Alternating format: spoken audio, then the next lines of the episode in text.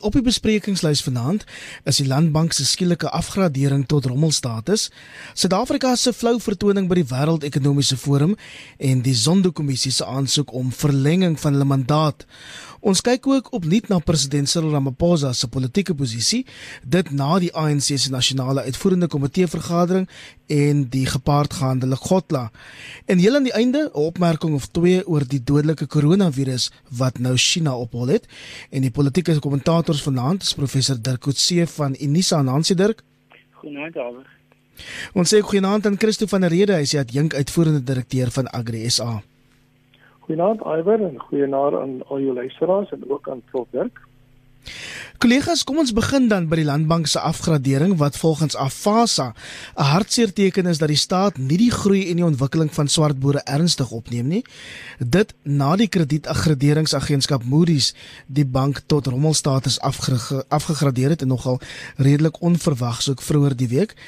Dirk, hoe lees jy die Landbank se afgradering in die groter konteks van ons sukkelende ekonomie? Is dit dalk 'n voorloper van 'n groter afgradering wat op pad is? Wel, ek, dink die meeste ekonome voorspel dat as daar nie iets dramaties met die uh, begroting, die nasionale begroting uh, vroeg in die jaar gaan plaasvind nie en Moody's het dit eintlik reeds uh, daarteen daaroor gedreig en dan sal hulle dit afgradeer. Ek dink in die geval van die landbank is dit dalk effens iets anders as wat uh, dat mense nie op grond daarvan moet begin vir algemeen nie. Want daar was daar's baie spesifieke faktore wat in aan aanmerking geneem is. Ehm um, en een van die eerste ene wat hulle wat Moody's genoem het is kan die mens net na albei kante toe voor argumenteer en dit is dat hulle gesê het as gevolg van die fiskale situasie uh, van die regering is dit uh, is daar die verwagting dat hulle nie vorentoe genoeg geld meer aan die land, landbank kan verskaf nie. Nou aan die een kant is dit 'n refleks op die fiskale situasie, maar aan die ander kant is dit ook 'n 'n verwagting dat daar groter dissipline in die finansiële in die fiskale situasie gaan wees. So ek dink mense moet dit na verskillende kante toe sien. Maar wat mense ook moet in ag neem en ek dink uh, ons ons sal miskien verder daarby uitkom as daar meer detail daar daaroor gepraat word is dat die landbank is nie die enigste finansieringsliggaam vir die landbou in Suid-Afrika nie. Hulle is in baie direkte kompetisie met die kommersiële banke en die meeste groot kommersiële banke het het oor tyd nou baie betrokke geraak by finansiering in die landbou. So dit is nie ek dink nie net met tot die gevolgtrekking kom dit het nou 'n algemene impak op alle boere in Suid-Afrika nie en uh, en omdat die die landbank gesien word as 'n staatsondersteunde onderneming in dieselfde klas as Eskom en Transnet en die ander het die die probleme wat met hulle geassosieer word word dus ook geassosieer met die landbank. Christo, jy werk nou aktief in landbou. Wat is die implikasie hiervan vir die bedryf en is dit soos Afasa aandui 'n slag vir veral swart boere in die land of stem jy saam met Dirk dat dit nou nie die finale doodskoot is nie want die landbank is eintlik maar die kleinste van die lot? Dit enige afgradering hou implikasies in vir die koste van kapitaal. Met ander woorde, mense wat lenings uh, het by landbank uh kan nadelig getref word aangesien hulle natuurlik nou duur moet betaal vir daai lenings en landbank self uh omdat dit uh, uh as 'n meer riskante bank nou gesien word uh gaan dit vir hulle duurder kos om geld uh, te gaan leen. Nou as jy mooi gaan kyk na hulle state en jy lees daardeur dan sien jy sien landbank kry so 24% van hulle totale inkomste of lenings kry hulle eh, van die uh, pensioenfonds af. En dan nog so 24% van die kommersiële banke af en dan 50% van ander institusionele beleggers. So dit hou implikasies in vir die landbank want uh, jy weet hulle op hulle beurt leen weer daai geld weer aan die koöperasies en die koöperasies leen weer geld aan die boere. So daar's 'n hele stuk waardeketting, finansiële waardeketting wat daaronder lê. En dit is veral jou kommersiële boere, jy weet wat soos hulle sê nie gewaarborgde lenings uh, maak by die bank wat aan die einde van die dag die swaarste kan kry in hierdie tendens voortduur. Uh, nou daar's hele kom redes wat hulle aandui waarom hulle in hierdie situasie is. Maar ek dink ek stem met Prof Dirk saam die grootste oorweging waarom ehm um, uh, Moody's die landbank afgegradeer het dit gaan oor die feit dat hulle is onrustig oor die regering se vermoë om landbank uh, te red indien daar uh, moeilikheid kom vorentoe Want onthou landbank word deur die staat besit aan die einde van die dag. Christo, kan ek vir jou die vraag vra as iemand wat daar duisende boere in die land verteenwoordig en ehm um, ook die binnekennis het van veral swart boere. Was jy verras dat Moody's ehm um, afge ehm um, die landbank afgegradeer het, skus? Nee nee, as jy gaan in in die in die state van die uh, landbank, dan sien jy sien uh, daar was reeds 'n afgradering. Uh, jy weet uh, en uh, ek dink dit was voor verlede jaar. Eh uh, en hierdie afgradering kom nou neer op uh, rommelstatus. So uh, jy weet dit dit was te wagte en die landbank het baie gedoen om te keer dat dit gebeur. Maar uh, jy weet die landbank het nie beheer in die eerste plek oor droogtes nie. Hulle het ook nie beheer oor lenings wat nie terugbetaal word nie. Ek het nou net na die state hier, ek sien hulle het so wat 1 miljard rand se lenings. Uh, hulle noem dit non-performing loans. In ander woorde, hulle is seker of daai geld ooit weer terug gaan vloei na die bank toe. Nou 1 miljard rand se verlies is massief vir enige instelling soos die landbank. Uh landbank uh, se lenings in totaal vir die vir die uh, jy weet vir die boere in die land staan ek dink tussen 45 tot 50 miljard rand. En uh, die lenings vir al in swart boere is maar 'n klein persentasie. Ek dink is 'n omgewing van 5 tot 7 miljard rand. Uh en dan baie baie streng reëls, jy weet om te verhoed dat daai geld nie verlore gaan nie. So aan die een kant, uh, jy weet, sit sit die landbank jy weet soos hulle in Engels sê uh, between the devil and the deep blue sea want uh, jy weet hy hy hy staar is onsekerheid in die gesig oor van hierdie regering se fiskale posisie, die regering se vermoë om hulle te kan red. Uh en aan die ander kant sit hy met uh boere wat as van hierdie droogte en as gevolg van 'n hele klomp ander redes wat nie by die vermoë is om daai lenings terug te betaal nie. Dirk, is jy bekommerd dat ander groot staatsentiteite dieselfde paadjie as die landbank kan loop? Dis nou met hulle nuwe rommelstatus en ek wil amper vra, is Eskom volgende? Wel, dit is interessant dat uh, Moody nog nie vir Eskom afgegradeer het nie in in in lyn met die met die landbank. Um, ek dink sodra as wat daar 'n nasionale afgradering is gestel dit vind hier rondom Maart, April, Mei, Junie se kant plaas um, vir argumentshalwe. Dan dink ek dit van sou spreek en dat die die banke, die kommersiële banke afgegradeer sal word sowel as die meeste van die staatsondersteunde instellings. Maar ek dink dit dit sal waarskynlik eers plaasvind nadat daar dit op nasionale of in terme van die soewerein soewereine krediet ehm um, dit plaasgevind het. Nie noodwendig as laat dit individueel plaasvind nie. Want uh, al hierdie instellings se toekoms in 'n groot mate gaan afhang van wat by by die staatsrede president Ramaphosa gaan aankondig sowel as kort daarna wat in die nasionale begroting gaan plaasvind. Christo, ons weet dat 'n nuwe landbouontwikkelingsagentskap in Februarie op pad is. Um, Rolf Meyer het nogal daar 'n instrumentele rol gespeel as ook die groot bas van Toyota Suid-Afrika. Uh, of Toyota Internasionaal eintlik wat 'n Suid-Afrikaner is. Glo jy dat dit moontlik die funksie van die landbank kan oorneem of het ons albei organisasies nodig vir die bemagtiging en die vooruitgang van boere in hierdie land? Om ehm um, uh, kom op verduidelik so ehm um, iwer Uh, ek is die afgelope 2 jaar daar besig, jy weet om te kyk na hoe mense uh, swart kommersiële boere gefinansier kan kry. En ons kyk veral na grond in die uh voormalige tuislande. Want daar lê uh groot grond en dis onbenutte grond en dit is baie keer grond in hoë reënvalgebiede. So die grond het baie potensiaal. Maar dit is 'n ongelooflike ongelooflike moeilike proses. Ons het byvoorbeeld net verlede week het gekyk na ses projekte wat moontlik gefinansier kan word. Die hoeveelheid detail wat moet ingaan in so 'n oefening en hoeveelheid kundigheid wat jy moet betrek. Uh, jy praat nie net van landbouekonomie nie, maar jy moet ook kyk na die sosiale aspek van wie is nou die eienaar van die grond, wie gaan voordeel trek uit die proses uit. Uh so ek weet as ons wat 'n uh, nie-regeringsorganisasie het wat ons bemoei met so iets uh, wat nie uh, ons jy weet uh, hoef te onderwerp aan uh, kredietregulering of kredietwette alreeds so sukkel net om 'n uh, plan met mekaar te sit vir jou opkomende swart boere nie. Hoeveel te meer gaan 'n instelling soos die landbank sukkel en ook 'n instelling soos hierdie nasionale agentskap. Want ongelukkig werk jy met ander mense se geld en jy kan nie roekeloos omgaan met daai geld nie. En al bring jy ook nou soos hulle sê sagte geld na die tafel toe, wat nie gekoppel word aan soveel regulasies nie. Uh moet daar nog steeds iemand aan die ander kant van die tafel sit wat uh, met 'n lening na die tafel toe kom. En jy moet jaar na jaar moet jy 'n produksielening aan daai uh opkomende boere gee. So dis 'n baie baie moeilike oefening en ehm um, jy weet ehm uh, uh, mens hoop maar net dat uh jy weet en dit is my beroep vanaand dat mens die landbank sowel as hierdie nuwe agentskap die agri-SA's van die wêreld die afases van die wêreld om die tafel kan kry en te sê maar kom ons werk liewer saam aan 'n plan uh uh wat die volhoubaarheid van daai boere kan verseker. Want dis jou dilemma. As jy nie sagte kapitaal het wat jy jaar na jaar kan instort om daai boere te help om uh, jy weet uh, aan die einde van die dag net te kan oorleef nie uh, dan gaan jy nie baie ver kom in die vestiging van 'n nuwe geslag swart boere nie Intussen is Suid-Afrika 77ste uit 82 lande geplaas op die eerste sosiale mobiliteit verslag van die Wêreldekonomiese Forum.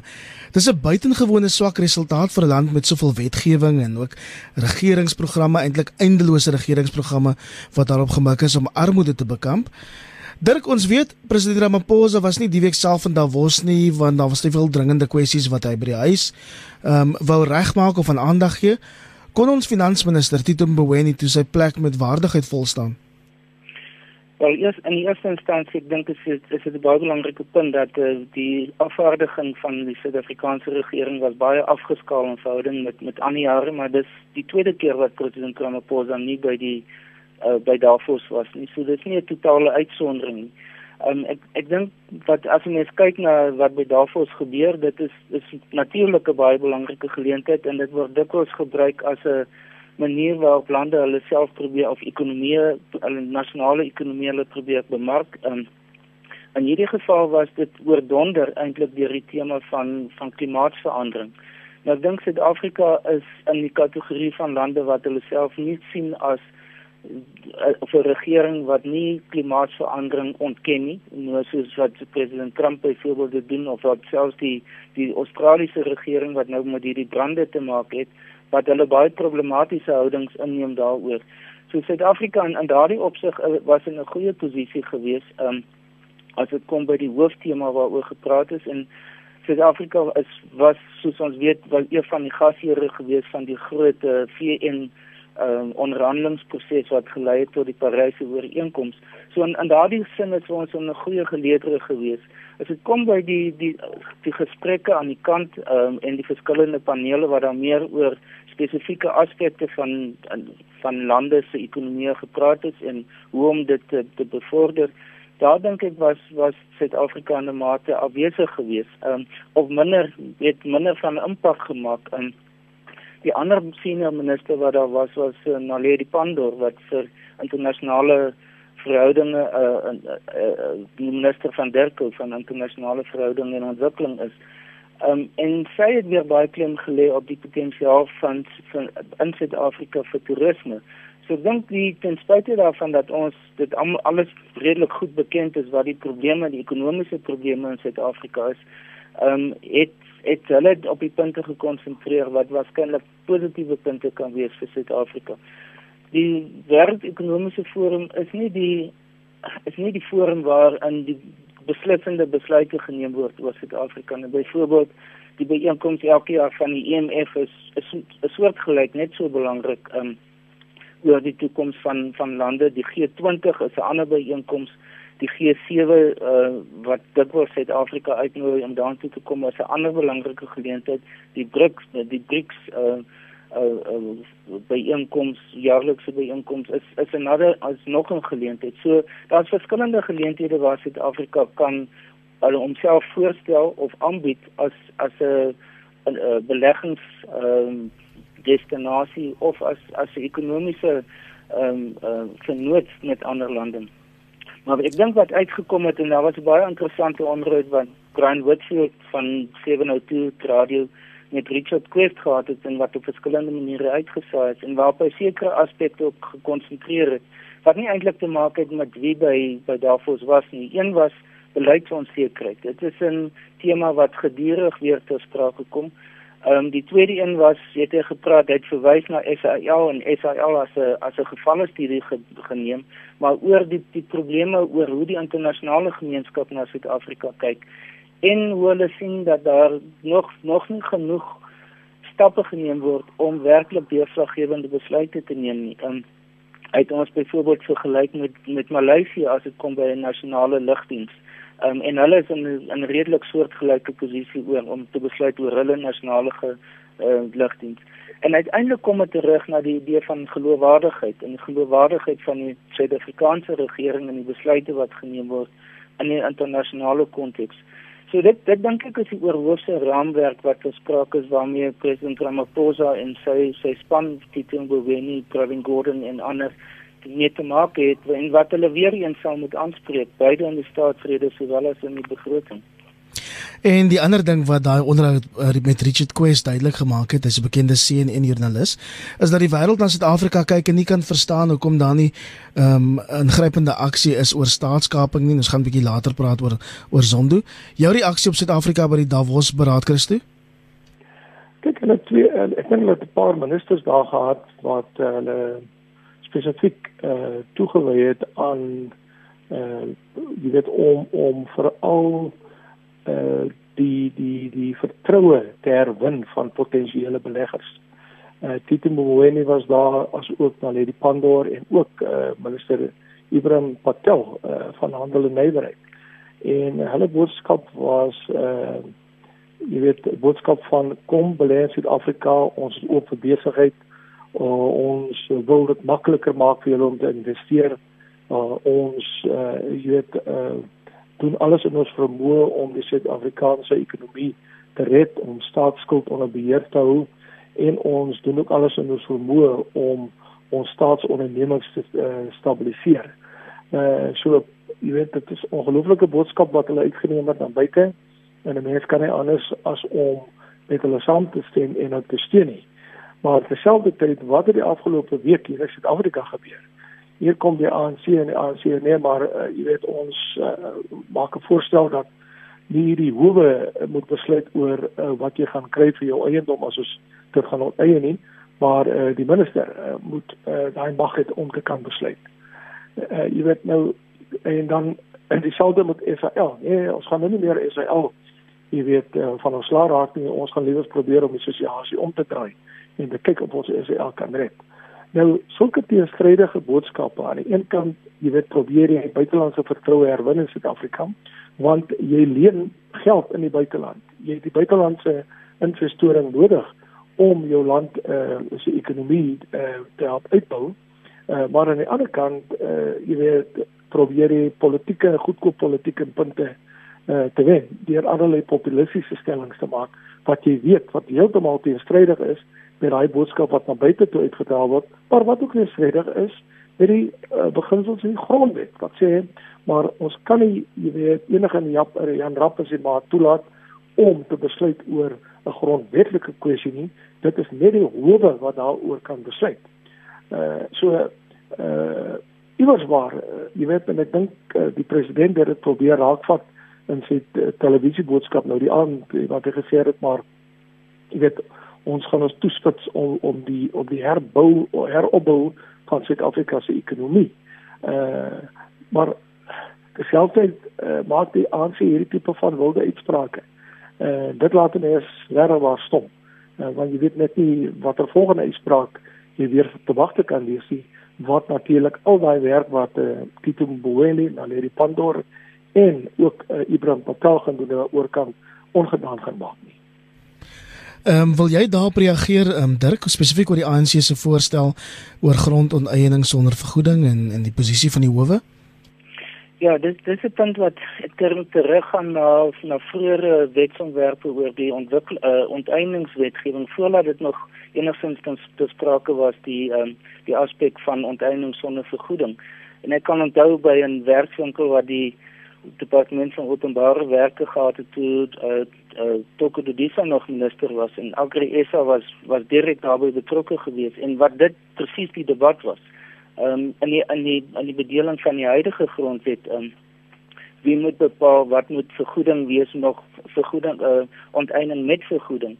Um, en dit dit het 'n groot um, soort van twee kampe geskep van moet dit wees soos die grondwet dit lyk asof dit sê dat dit met die finale die finale besluit is by die howe of moet dit 'n uitvoerende besluit wees van van die uitvoerende gesag ministers of ander instellings.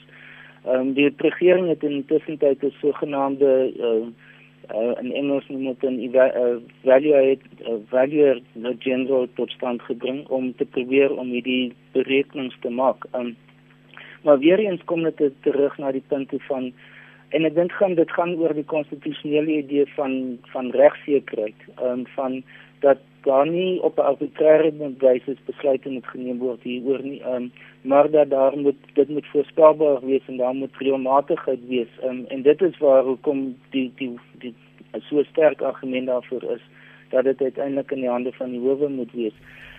Ek dink die die onsekerheid en dit is wat op die oomblik van ANC kant af na verwys word, is is dat die die die die onteieningswetgewing wat uh, nog hierop moet volg want die bestaande onteieningswetgewing is 'n wet van 1975 wat eintlik heeltemal nie meer relevant is vir die huidige konstitusionele omstandighede nie. Ehm um, dat dit moet bepaal hoe die proses moet plaasvind en dat elke individuele besluit nie noodwendig in die eerste instansie na howe toe geneem word nie, maar dat howe daar moet wees aan laaste instansie om as 'n besluit geneem is wat mense op hersiening wil neem, die eienaars, en dan moet dit moontlik wees om na die howe te gaan. En dit dit skep die onsekerheid in 'n prosedurele sin van wat ons uiteindelik gaan sien hoe dit in die praktyk gaan heel moontlik plaasvind. As jy sopas bins ingeskakel het, dis kommentaar op 100 tot 104 FM wêreldwyd by rsg.co.za en my gaste vanaand is professor Dirk Coetzee en Christo van der Rede en ons praat volgende oor die Sondekommissie wat nou vir nog tyd vra om hulle werk te kan voltooi. Christo dis letterlik 'n jaar en 'n half, 'n 150 getuies, 'n 190 dae van sittings later. Hoeveel tyd het die Sondekommissie dan nou nodig? Ja, dis 'n dis 'n baie goeie vraag, Iver. Ehm uh, ek het dit hierdie week, uh, jy weet Mike Brown van Nedbank. Uh, hy het hierdie stelling gemaak. Ek weet nie of dit in Davos was of waar dit was nie. Maar dit gesê, jy weet ons het nog net die punt van die ysberg. Uh jy weet uh, onbloot uh wat hierdie korrupsie aanbetref.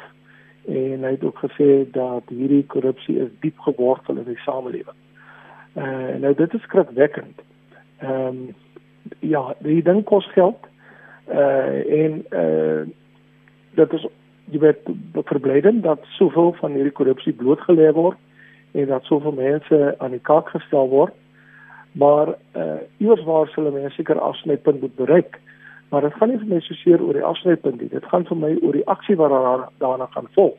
En ek dink uh jy weet van die uh mense daar daar was het gevra, maar wanneer gaan julle nou hierdie mense uh jy weet uh uh en hegtenis neem en wanneer gaan daar vervolgens plaasvind want dit kan mos wees dat miljoene miljoene dat miljoene gesteel is uh, in die land is arm in die land is op die afgrond van 'n ekonomiese inploffing uh, en niemand is nog in hegtenis geneem nie. So uh, dis 'n moeilike dis 'n moeilike ding uh, iwer maar uh, hopelik sal ons eersdaags aksie sien uh, en ek weet die sondekommissie kan nie meer van regte neem nie maar eh uh, blijkbaar is die nasionale vervolgingsgesag besig om daai inligting te verwerk sodat hulle dan kan stappe neem teen die skuldiges. Dirk, moet die kommissie nie ten minste 'n tussentydse verslag van 'n aard uitreik wat 1 vervolgings kan begin versnel nie om by Christus se punt aan te sluit en 2 openbare vertroue in hierdie proses kan herstel nie? Ja, dis dis 'n moeilike vraag hierdie ehm um, uh, want uh, ek dink om 'n tussentydse verslag kan ook 'n proses word waarin hulle baie tyd aan moet spandeer wat hulle eintlik tyd gaan verloor. Maar terselfdertyd as dit is dit 'n onvolledige verslag en ek dink dit is waarvoor hulle bang is dat hulle dan 'n prentjie gaan skep want daar's baie getuienis wat aan hulle gegee is wat nog nie getoets is nie. Ehm um, daar is nog nie kruisvoer wat plaasgevind het nie. En dan natuurlik en ek dink dis een van die hoofredes hoekom daar gevra word vir 'n verlenging van die mandaat van die kommissie is ek het 'n vermoede ek het geen geen getuienis nie maar ek het 'n vermoede dat hulle grootste prioriteit vir die oorblywende tyd is ons om uh, president Zuma uh voor die kommissie te kry. Ons weet van alles van sy gesondheid wat uh, as argumente gebruik word dat hy dit meer kan doen nie, maar ek dink dis 'n absolute prioriteit vir die kommissie. Daar's soveel getuienis wat wat hom geïmpliseer het of wat hom geraak het en wat hulle nou reeds na hom toe gestuur het as punte waarop hy moet reageer um, en wat nog in 'n groot mate uitstaande is. Maar net om na die na die sondekommissie se aard, die funksie van die sondekommissie te miskien terug te kom. Die die een punt wat ek dink wat wat belangrik is is is die vraag as die sondekommissie nie bestaan het nie, wat dan? Waar sou ons gewees het vandag, ja? Wat sou ons kennis gewees het van wat met staatskaping plaasgevind het behalwe die die boeke wat deur Jacques uh, Pau en ander geskryf is? Um, wat sou die die algemene openbare kennis gewees het oor wat die af die 9 jaar van president Zuma se se presidentskap werklik plaasgevind het. Wat 'n mens ook by dis in berekening kan bring is deur te sê dat die kennis, die openbare kennis wat ons die feit dat dit in die openbaar plaasvind, dat dit gebeeldsaai word, dat dit op radio en die media baie aandag daaraan gee, beteken dat die algemene kennis van die publiek baie beter is as wat dit andersins sou wees. So 'n plaas groter druk op die regering om uiteindelik daarop te reageer. Terselfdertyd sê ek argumenteer maak dit die herhaling van 'n soort van 'n staatskapingsproses in die toekoms baie moeiliker omdat dit in 'n groot mate reeds ontbloot is nie in terme van wat dat dit in hofsaake uitgeloop het nie maar bloot in terme van die inligting wat deur of dit nou Bosasa se se werknemers is of dit SARS is wat die voorleggings gemaak het of dit president uh, minister Nene is wat uiteindelik moes bedank as gevolg van sy voorleggings wat hy aan die kommissie gemaak het. Ehm um, of dit Travin Gordon is uh, en Kobisi Jonas al die mense was reeds daar gewees. As jy kyk na die veelheid mense wat daar was en die inligting wat reeds bekend gemaak is, dink ek is dit hoogs belangrik vir die algemene ingeligtheid van die publiek en en van regeringsmense.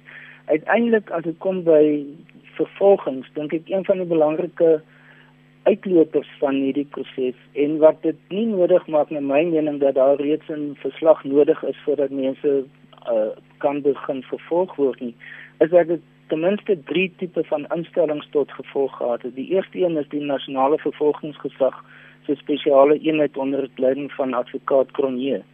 Die tweede een is die spesiale ondersoekeenheid wat binne die die vake geskep is En die derde een is die regstribunaal wat president Ramaphosa uh, voor goedkeuring gegee het van bestaande uit nege regters. Nou as jy net kyk na wat al hierdie instellings reeds vir ons sê, is, is dat byvoorbeeld in die geval van die nasionale vervolgingsgesag se se eenhede sê hulle hulle kan nie rondom 35 miljard rand is in is reeds geteken wat hulle kan probeer terugkry. Die spesiale ondersoekeenheid praat van omtrent 15 miljoen En dan ehm um, selfs byvoorbeeld het reeds nou aangekondig dat hulle oor 2 miljard 2 eh, miljard 2.6 miljard um, ook begin terugkry. Hulle het in wese reeds daardie ou sogenaamde broke unit het hulle heringestel om dieselfde rol te speel as wat dit van tevore gedoen het. So wat ons sien is 'n ver, versterking van institusionele instel uh, institusionele stelsels wat dit op begin reg moontlik maak om ehm um, die die korrupte netwerke wat daar bestaan het te probeer ontlont en te probeer ontmasker en te probeer uitmekaar het daar en terselfdertyd die geld terug te kry. So ek meer nie net aan hoeveel mense voor die hof is of aangekla gaan word in terme van die sukses van die sondekommissie nie. So 'n tikkie optimisme daar oor die pad vorentoe vir die sondekommissie klink dit vir my van Dirk. Christus, daar enigiets oor sonde wat jy wil byvoeg? Ek dink dit is moet net weer terug gaan na die oorspronklike uh jy weet uh mandaat van die sondekommissie.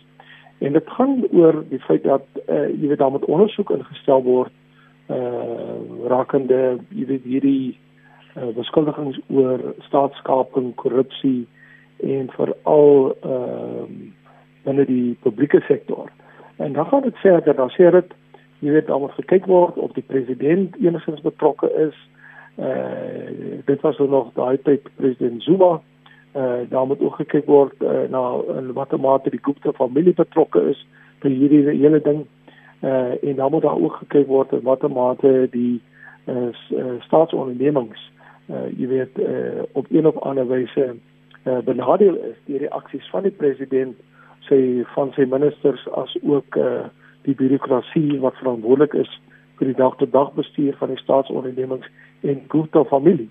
Uh so baie baie spesifieke opdrag en uh, uh jy weet uh, Prof Dirk het daarna verwys. Uh, ek dink dit is net absoluut absoluut uh skrikwekkend as uh, mense na die getuienis luister hoe president Zuma die Guptas uh en selfs van die ander uh jy weet bureaukrate 'n rol gespeel het om die staat uh te beroof.